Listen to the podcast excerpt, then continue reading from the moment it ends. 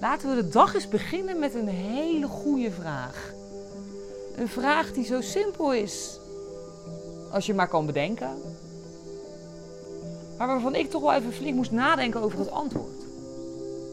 En die vraag is: wat is een gedachte? Heb je daar wel eens over nagedacht? Wat een gedachte eigenlijk is? We zijn de hele dag door aan het denken over van alles en nog wat.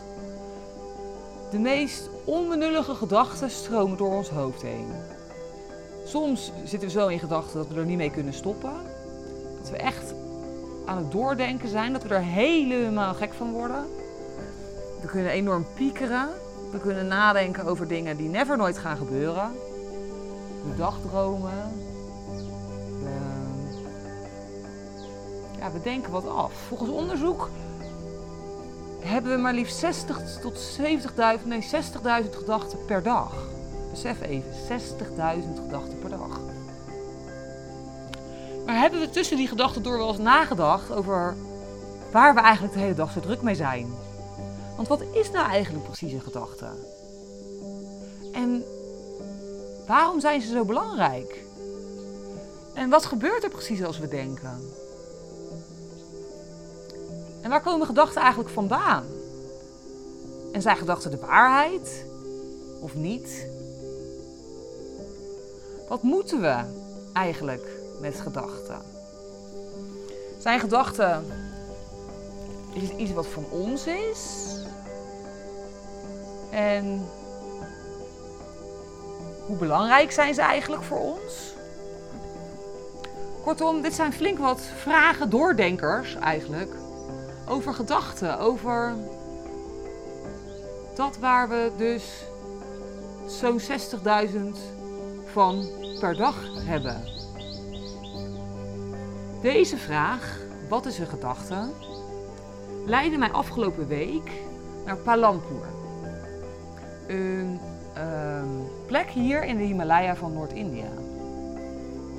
Een plek waar de vrouw woont die deze vraag in mij triggerde.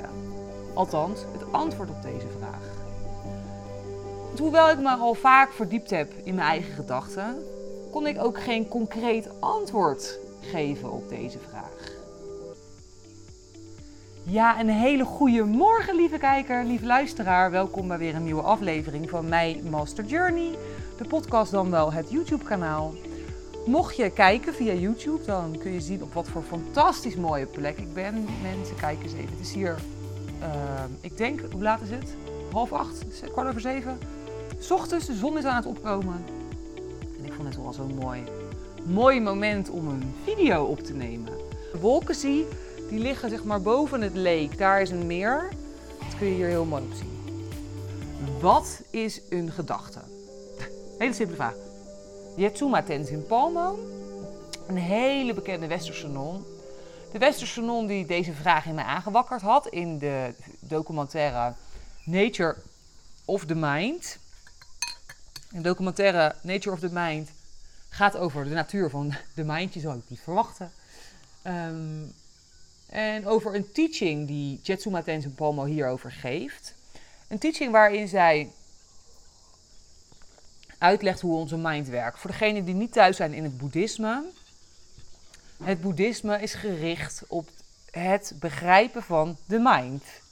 Het beter begrijpen van de mind, het beter benutten van de mind, het trainen van de mind en het transformeren van de mind. Dus voor iedereen die net als ik dacht dat het boeddhisme gericht was op het aanbidden van Boeddha. Nou, uh, het is voor sommige mensen ook een onderdeel van, ehm, eh, van het praktiseren van boeddhisme. Maar de kern van boeddhisme is het begrijpen van je eigen mind. En in die video, een aanrader, ik zal hem in de show notes delen, stelt zij de vraag: wat is een gedachte aan haar publiek? En ik betrapte mezelf erop dat ik dus geen antwoord nogmaals op die vraag had. En dat zorgde er ook voor dat ik de wereld van de gedachten nog eens in ben gedoken. Maar het antwoord op de vraag leidde me dus naar deze beste mevrouw toe. Deze beste mevrouw is een wereldbekende non, voor degenen die dat niet weten. Zij heeft twaalf jaar lang in een sneeuwgrot hier in de Himalaya gewoond. Daar is ze wereldberoemd mee geworden. Uh, verder was zij voorvechter voor vrouwen binnen Tibetaans boeddhisme.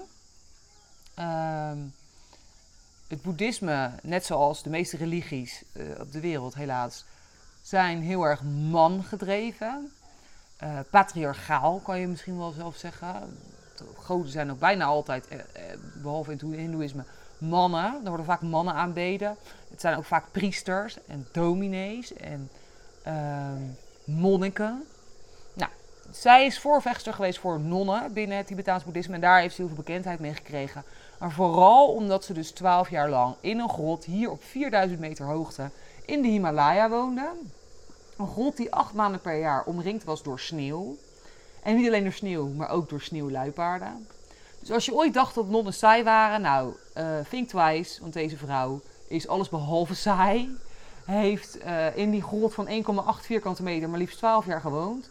Drie jaar zonder met een mens te praten. Ze sliep zittend op een meditatiekist, soms maar drie uur per dag, in tijden dat ze heel veel mediteerde. Verder was ze druk met houthakken, sneeuwschuiven, nou ja, alle praktische mannenjobs. Heel bijzonder verhaal. Haar verhaal staat op YouTube onder de naam Cave in the Snow of Snow Cave. Echt een aanrader om te kijken, super inspirerend verhaal. Nou, ik vond deze vrouw, wilde ik vanwege dit hele verhaal sowieso al heel graag ontmoeten. Dus op het moment dat ik begreep dat je haar uh, grot kon haar god, haar nonnenklooster. Ze heeft inmiddels een nonnenklooster opgericht hier in Noord-India. Dus het is van origine Engels. Dat je die op kon zoeken en met haar een interview kon hebben. Nou, hoefde ik daar geen twee tellen over na te denken. Ik denk, ik wil deze powervrouw zien en ontmoeten. Ze is nu 80. En met haar in gesprek gaan, onder andere over de ervaring in die grot. Maar ook antwoord hebben op de vraag, wat is nou een gedachte? En uh, nou ja, lange intro, dat bracht mij dus in Palampur, waar ik net vandaan kom. Hier hoe lang? Vijf, vijf en een half uur vandaan.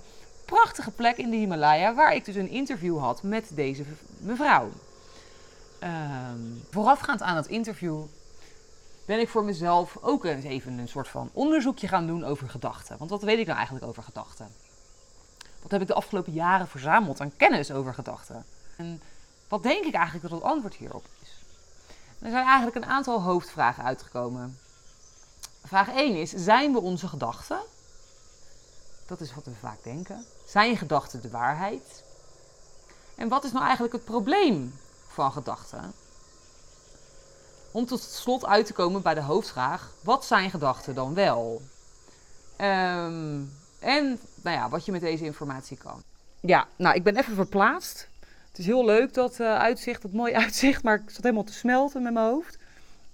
Dus ik ben even op een plekje voor de deur gaan zitten. In de schaduw. En hier is het iets fijner om, uh, om op te nemen en ook om uh, te zitten. Maar goed, laten we het onderzoekje naar gedachten eens beginnen met wat feiten over gedachten. Want wat, wat, wat kan ik eigenlijk vinden over gedachten? Hoe zit dat eigenlijk precies? Ik ben de gedachtenwereld ingedoken en heb wat feitjes verzameld over, over gedachten. Laten we daar even mee beginnen. Zoals ik al aangaf in de introductie, hebben we maar liefst, volgens onderzoeken, 60.000 gedachten per dag. Nou, zijn er ook wat onderzoeken te vinden die zeggen 40.000 gedachten per dag. Maar of het er nou 40 of 60.000 zijn, het zijn er nogal wat. er zijn ook onderzoeken van 120.000 geloof ik. Ik heb 60.000 gepakt omdat dat is wat ik het meest tegenkwam. Laten we 60.000 even, even nemen als, als leidraad. Als dat waar we mee werken in deze aflevering. We hebben 60.000 gedachten per dag. Dat zijn er nogal wat per minuut of per seconde. En van die 60.000 gedachten per dag zijn er maar liefst 95% is onbewust. Gelukkig maar. Ik denk dat we gek zouden worden als we 60.000 gedachten per dag horen in ons hoofd. Ik denk dat je helemaal knars wordt. Dus 95% van die gedachten zijn stiekeme gedachten.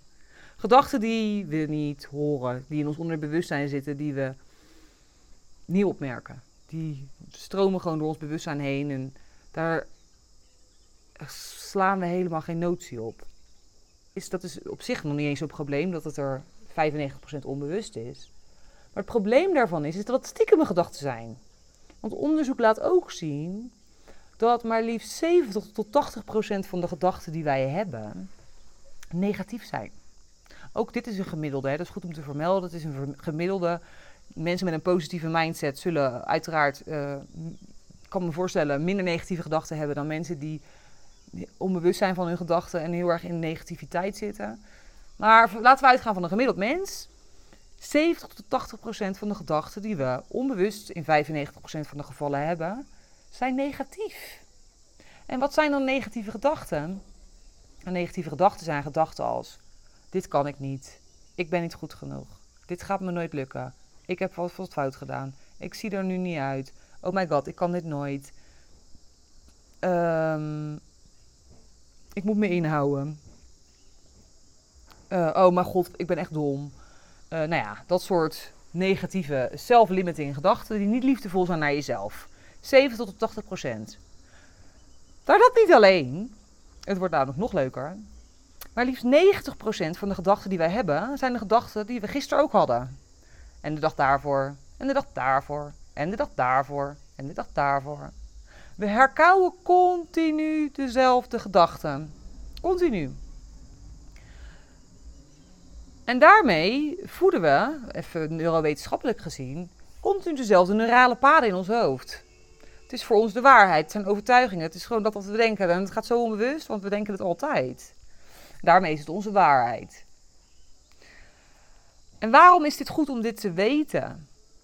Is gedachten zijn van levensbelang. In dat opzicht dat, ehm, dat ze een wederzijdse relatie hebben met ons gevoel. Onze gedachten zorgen namelijk voor emoties en gevoelens in onszelf. Denk maar aan het moment dat je positieve gedachten hebt, voel je je ook lekker in je vel, right? Op het moment dat je lekker in je vel zit, heb je ook positieve gedachten. Op het moment dat je slecht in je vel zit, heb je sombere gedachten. En dat, kan, dat versterkt vervolgens weer hoe je je voelt. Zo kan je helemaal in de, in, de, in de put zitten door hoe je je voelt. Bijvoorbeeld een kater bijvoorbeeld. Op het moment dat je een kater hebt, kan je, omdat je je in energie niet lekker voelt, ook veel negatiever gaan denken. En die negatieve gedachten maken weer dat je je nog rotter gaat voelen. En zo kom je in een soort loop terecht van gedachten en gevoelens die elkaar versterken. Is de wederzijdse de relatie die er is tussen die twee. Denk maar eens aan een hele positieve gedachte, aan iets wat super leuk is. Aan een van de mooiste momenten van je leven. Nou, je zal je gelijk happy voelen, right? Je voelt je gelijk lekker in je vel. Op het moment dat je aan iets rots denkt, aan iets waar je mega tegenop ziet, zal je het voelen in je lijf. Zal je hart sneller gaan kloppen, je zal misschien gaan zweten, je zal zenuwachtig worden, je zal nog meer gedachten daarover gaan krijgen, want je voedt dat. Je geeft het energie, dus het wordt nog groter. Dus gedachten zijn nogal belangrijk. En niet alleen voor dat wat we voelen en wat we, welke emoties we ervaren. Nee, gedachten hebben ook, zijn de drijvende motor, de kracht achter ons gedrag. Want dat wat we denken, zullen we ook gaan doen. Als wij denken dat we iets kunnen, zullen we automatisch in beweging komen. Als wij heilig van iets overtuigd zijn, zullen we het doen. Op het moment dat we geloven dat we iets niet kunnen, beginnen we er vaak niet eens aan. Op het moment dat we denken dat iets fout is, willen we er niks van weten, doen we het niet. Op het moment dat we denken dat iets eng is, doen we het niet. Op het moment dat we denken dat iets een super succes gaat worden, komen we gelijk in beweging. Op het moment dat we positief denken, zullen we ook in beweging komen. De wasmachine gaat aan. Ik hoop dat je me nog kan horen.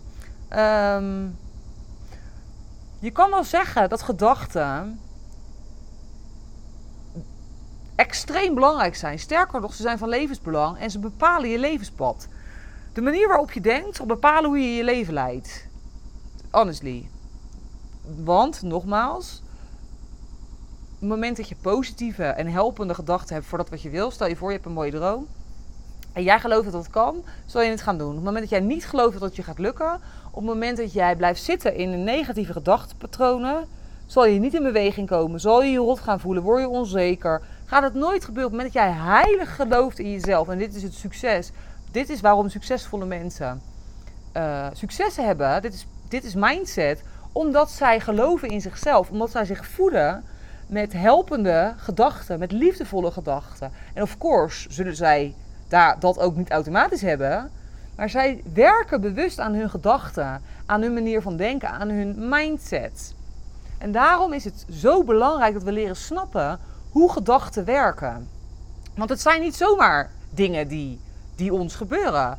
En het loont dus de moeite dat je leert begrijpen hoe je gedachten werken en wat je gedachten zijn. Nogmaals, dus de antwoord op de vraag wat is een gedachte waar we aan het einde van deze aflevering op terugkomen. En om het antwoord op deze vraag te vinden heb ik een aantal subvragen gemaakt. En een van die vragen is de vraag: zijn we onze gedachten? We zijn namelijk geneigd om ons heel sterk te identificeren met dat wat we denken. We zijn geneigd om uh, te denken dat wij onze gedachten zijn. Op het moment dat we denken, we zijn, ik ben dik, identificeren we ons daarmee. Op het moment dat wij iets spannend vinden en denken dat we iets niet kunnen, geloven wij en identificeren ons, we onszelf met dat kan ik niet. Ik ben iemand die dat niet kan. Ik, uh, ik ben niet zo. Op het moment dat we uh, uh, denken dat iets fout is aan onszelf, identificeren we ons daar volledig mee. We identificeren ons met dat wat in onze gedachten voorbij komt, als dat waarvan wij denken dat wij het zijn. Maar zijn we onze gedachten? En als je deze vraag hoort, denk je waarschijnlijk gelijk nee. Ik kan me voorstellen dat je denkt nee. Toch denken we vaak onbewust ja, want we nemen onze gedachten nogal serieus.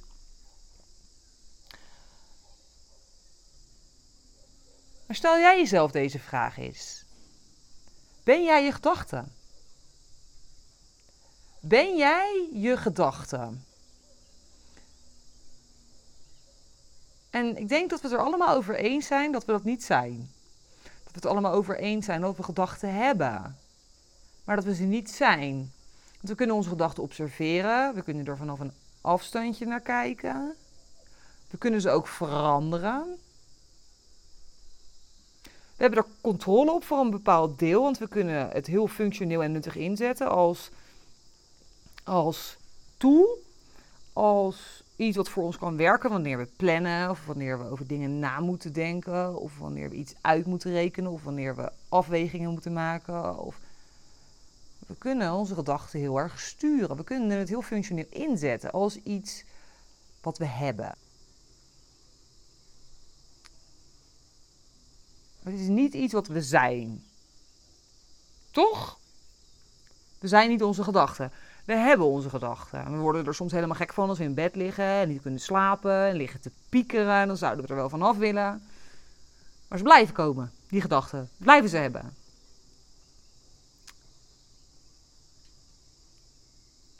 Maar laten we de conclusie zetten dat we niet zijn. We hebben gedachten. Dus oké, gelukkig ben ik mijn gedachten. Dat is een opluchting. Als ik denk dat ik iets.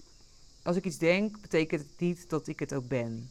Dus als ik denk, ik kan dit niet, of ik ben niet goed genoeg, betekent het niet dat ik het ben. Het is iets wat ik denk, right? Het is iets wat ik heb, iets wat door me heen komt. Maar als we het over eens zijn dat we niet onze gedachten zijn, zijn onze gedachten dan de waarheid? Wat denk jij?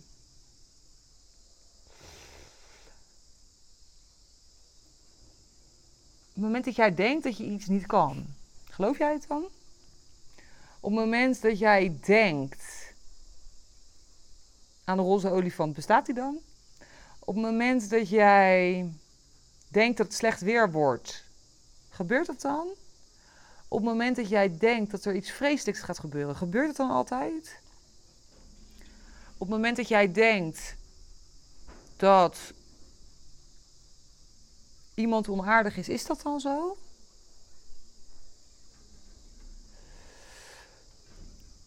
Op het moment dat je je gedachten objectief gaat onderzoeken, zal je merken dat ze vaak, meestal, helemaal niet waar zijn.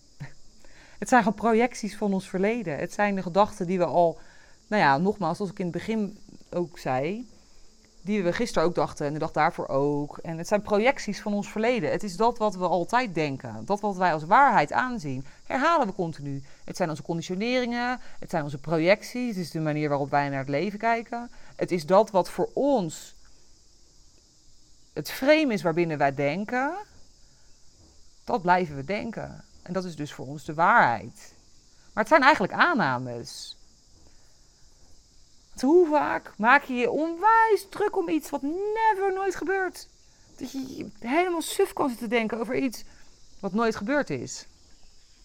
En hoe vaak zit je er wel niet naast met je gedachten? En hoe vaak verander je wel niet van gedachten? Als gedachten toch de waarheid zouden zijn, dan zou dat toch helemaal niet kunnen?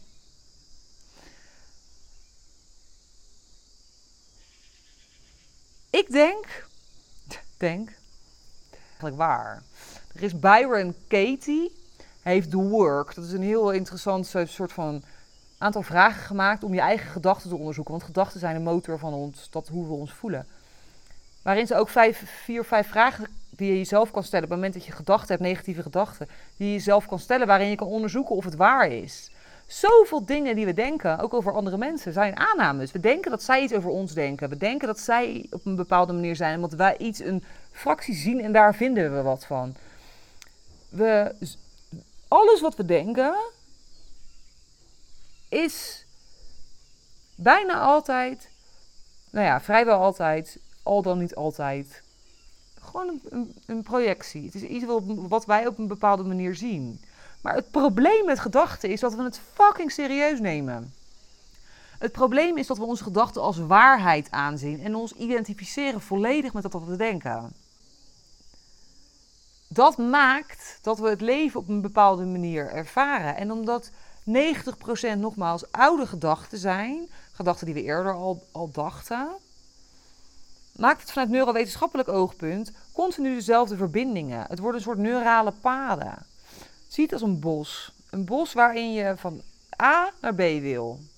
We kiezen altijd voor dezelfde pad. En dat pad is heel sterk aangelegd. Het, het, we hebben het zo vaak gedacht dat er een soort van heel, heel helder pad is. Een highway om, om te denken. Automatisch conditionering, programmering. We denken dat.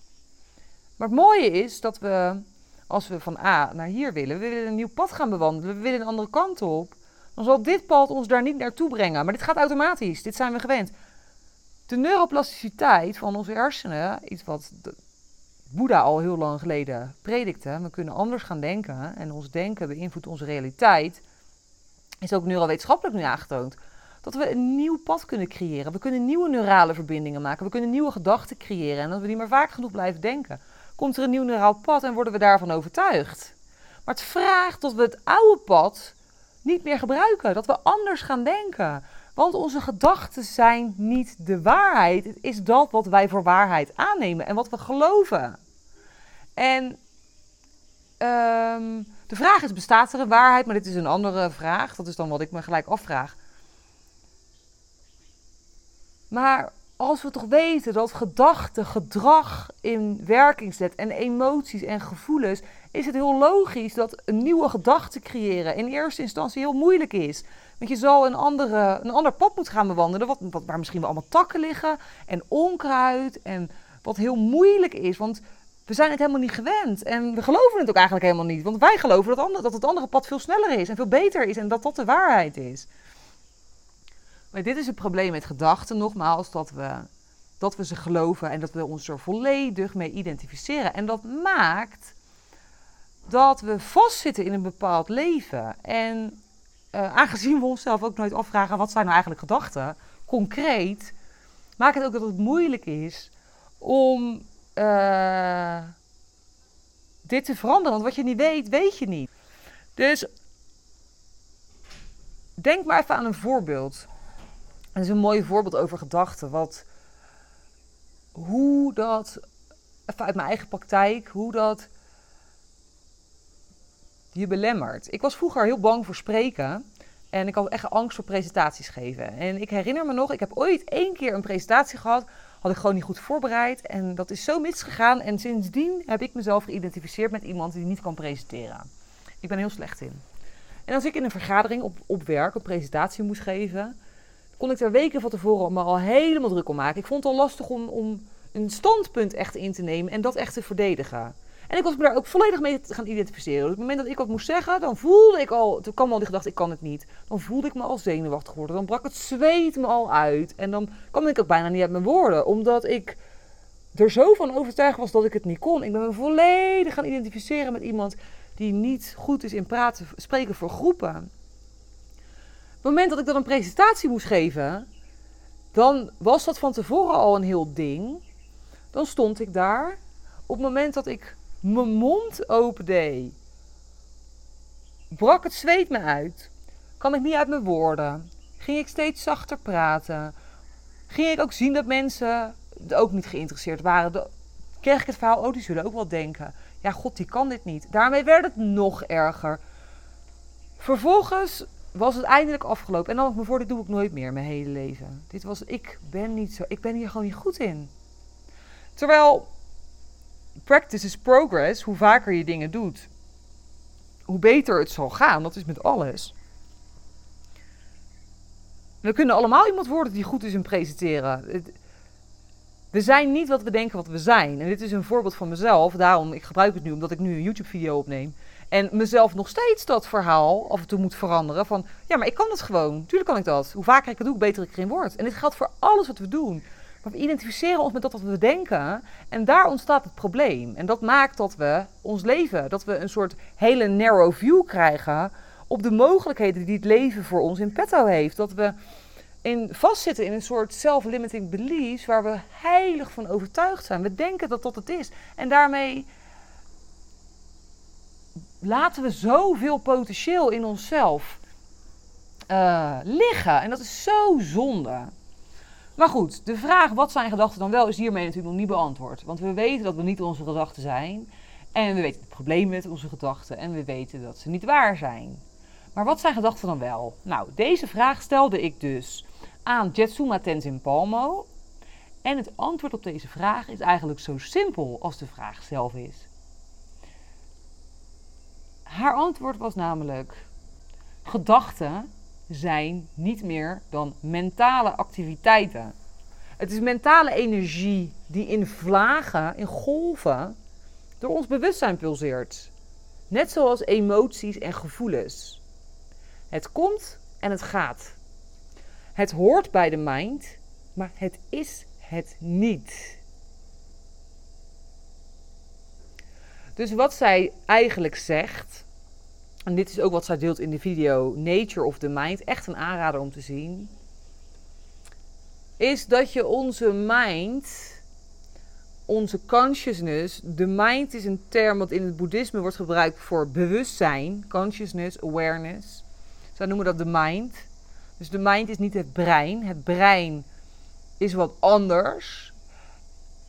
Het, dit is ook tegenwoordig trouwens bevestigd door neurowetenschappers dat het, dat het bewustzijn iets anders is dan het brein. Het brein is iets fysiek. Het bewustzijn is, is non-fysiek. Het is niet fysiek. Het is niet tastbaar. Het is niet zichtbaar. Het is het spectrum van onze innerlijke ervaring. Het is het bewustzijn. Het is het weten. Het is het, dat in ons wat het ervaart. Dat in ons wat gedachten heeft, ervaart. En zij geeft een voorbeeld van de blauwe lucht. Zie de mind als de blauwe lucht, de sky, op een prachtige blauwe dag of een mooie heldere dag. Unlimited.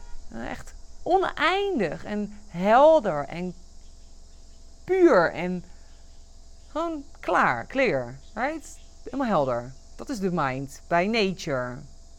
En in die mind komen gedachten voorbij. Als wolkjes in de lucht. Die, die passeren de revue. Die komen gewoon voorbij. Maar de lucht is niet de gedachte. De lucht is, is het.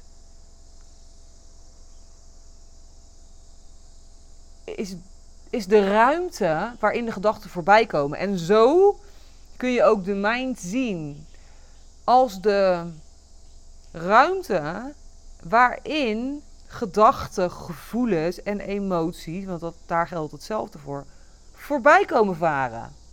Als een soort wolkjes. En zoals zij ook in haar video Nature of the Mind uitlegt.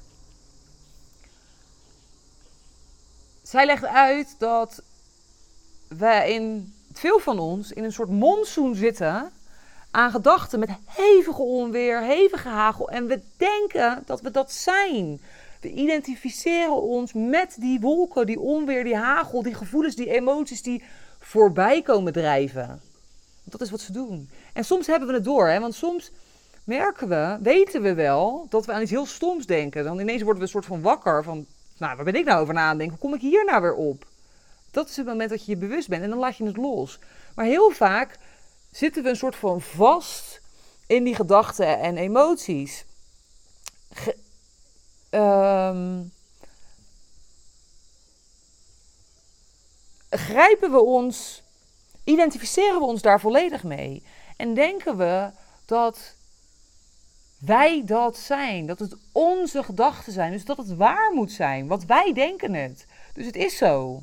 Maar de lucht, zoals de lucht geen wolken is, zijn wij niet onze gedachten en ook niet onze gevoelens en ook niet onze emoties. Maar dat is even een ander ding. Vanuit boeddhistisch oogpunt, laat ik dit even vooropstellen. Ik, dit is wat zij vanuit boeddhistisch perspectief deelt, maar waar ik dus heel erg van overtuigd ben. En wat ook dus door steeds meer neurowetenschappers wordt onderzocht en bewezen. En dat maakt voor mij het boeddhisme heel interessant. Dat er dus een, link is tussen dat wat Boeddha 2600 jaar geleden zei, de Oosterse wijsheid, en de Westerse science, die steeds meer dat ook gaat ontdekken.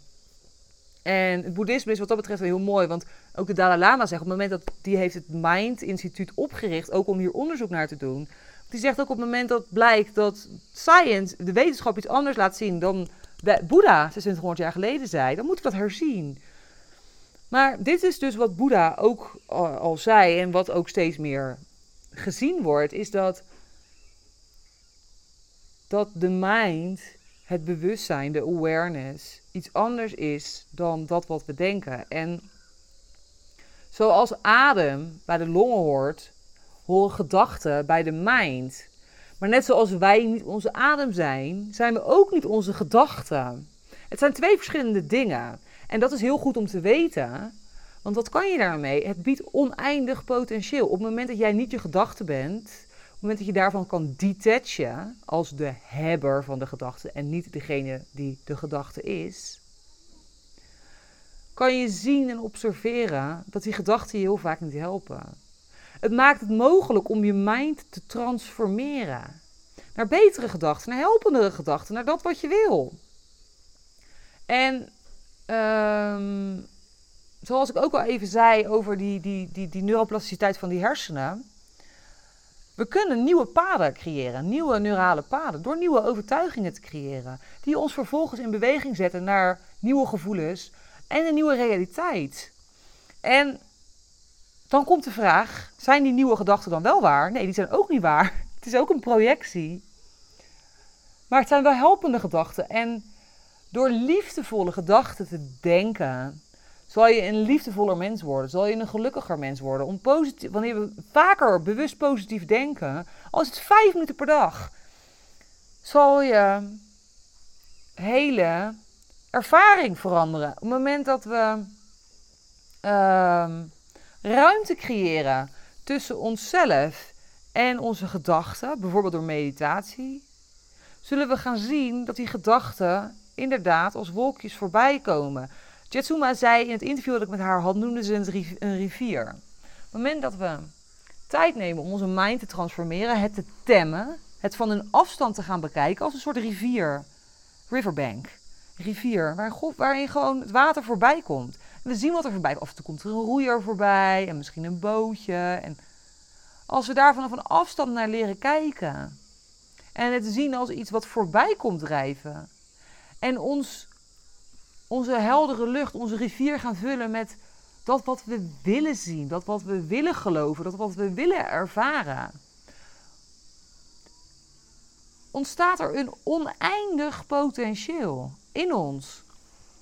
En ik denk dat dit inzicht, dit gedachtenspinsel over gedachten, ons leven radicaal kan transformeren. Ehm, en um, want wie zou er kiezen voor negatieve gedachten en self-limited beliefs op het moment dat we kunnen kiezen voor iets wat ons voedt en op het moment dat we ons, ons leven kunnen veranderen in dat wat we werkelijk willen? En um, nou ja, dan komt de volgende vraag. Hoe transformeren we dat dan? Nou, ik zei het al even. Meditatie is daar echt een fantastische tool voor. Dat is wat ik binnen wat Boeddha natuurlijk ook 2600 jaar geleden al riep. Van we moeten onze, onze mind temmen. We zijn de slaaf van onze mind geworden. We, zijn, we gaan daar volledig in op. We moeten ruimte creëren om te zien wat er voorbij komt drijven. En vanuit het licht van ons bewustzijn ons dus realiseren dat het niet de waarheid is en dat we het kunnen laten gaan. We kunnen kiezen voor gedachten die ons wel helpen. En daarmee ons eigen leven transformeren, een liefdevoller en beter mens worden, een positiever mens worden, bijdrage leveren aan de wereld. Het heeft zoveel kracht op het moment dat we, dat we eens in ons hoofd gaan kijken. Want ik besefte mezelf, toen ik deze vraag aan haar stelde, van hoe kan het zo zijn dat ik nog nooit na heb gedacht over wat een gedachte is, terwijl ik echt wel weet hoe belangrijk het is. En als het nou toch alleen maar mentale energie is die voorbij komt gepulseerd. Als we dat nou toch weten en in ons achterhoofd houden. En het zal niet vandaag of morgen ineens anders zijn. Maar het bewustzijn dat het niet meer is dan dit, creëert de potentie om je leven radicaal te veranderen. Daar ben ik van overtuigd. En dat is nogmaals waarom ik deze aflevering opneem. Het is een langere aflevering geworden dan ik had gedacht. Maar ik denk dat de conclusie is dat, dat gedachten van levensbelang zijn. Het inzicht krijgen in je gedachten. Het. Ehm, onze gedachten op zich creëren onze realiteit. En ehm, dat snappen. En tijd en aandacht besteden aan dat wat er in, in je mind. Je mind, laat ze vooropstellen dat, dat, dat jouw hele perceptie van leven, alles wat we ervaren, zien en meemaken, wordt verwerkt in onze mind, right? Dus het is nogal belangrijk iets in het leven. We kunnen niet zonder. We kunnen niet zonder. Het, onze hele ervaring van het leven vindt plaats in de mind. Het, alles wat onze zintuigen binnenkrijgen, alles wat we zien, horen, voelen, uh, komt bij ons binnen en wordt vertaald in, in de mind. Maar we besteden bijna geen tijd om daar tijd aan te besteden. Om eens daarin te kijken. Om te kijken, wat komt er allemaal voorbij in mijn hoofd? En als we toch weten nu dat, dat het zo belangrijk is voor onze ervaring. Denk ik dat het best gek is dat we er nooit over nadenken. En dat het fucking boeiend is, vind ik. Dit is wat ik een van de meest boeiende dingen vind van de afgelopen jaren. Ik, ik ben al langer bezig met het herprogrammeren van je eigen mind. Hoe, hoe kunnen we een nieuwe identiteit creëren? Hoe uh, persoonlijke groei aan zich. Dat is natuurlijk heel vaak wel hierop op gebaseerd. Alleen, ik heb het nooit zo vanuit het boeddhistisch oogpunt bekeken. De menselijke ervaring wordt gecreëerd in de mind. En hoe fantastisch is het als we dat gaan transformeren en als we leren snappen dat we niet onze gedachten zijn. En als we uh, daarmee een totaal nieuwe realiteit kunnen creëren. En um, nou, ik denk dat dat heel waardevol is. Mocht je hier meer over willen weten trouwens, ik heb een blog geschreven op www.master-journey.com waarin ik deze vragen ook uit heb geschreven en waarin ik ook een aantal boeken deel die heel, interessant zijn. Een van die boeken is uh, Breaking the Habit of Being Yourself. Een boek van Joe Dispenza. Dat gaat meer, is het vanuit neurowetenschappelijk oogpunt bekeken van de kracht van gedachten en hoe je met hoe je je brein kan herprogrammeren door um, nieuwe gedachten en overtuigingen, nieuwe gewoontes, die er ook allemaal uit voortkomen. Hè? Want alles waar wij ons mee uh, identificeren, het heeft zoveel gevolgen. En hij bekijkt het vanuit epigenetica, neurowetenschappelijk en kwantumfysica. Echt een interessant boek als je meer op, op die, die um, richting wil kijken. Mocht je interesse hebben in uh, de awareness en de consciousness, is voor mij altijd Eckhart Tolle, De kracht van het nu. Dat boek heb ik denk ik tien keer gelezen. En ik blijf hem er regelmatig bij pakken, omdat het, ik het gewoon heel, hij heeft het heel goed geschreven. Om meer te snappen over wat is consciousness nou eigenlijk en wat is awareness. En hoe kom ik meer in het hier en nu terecht. En um, nou ja, het leren begrijpen van uh, het bewustzijn. Eckhart Tolle, de kracht van nu.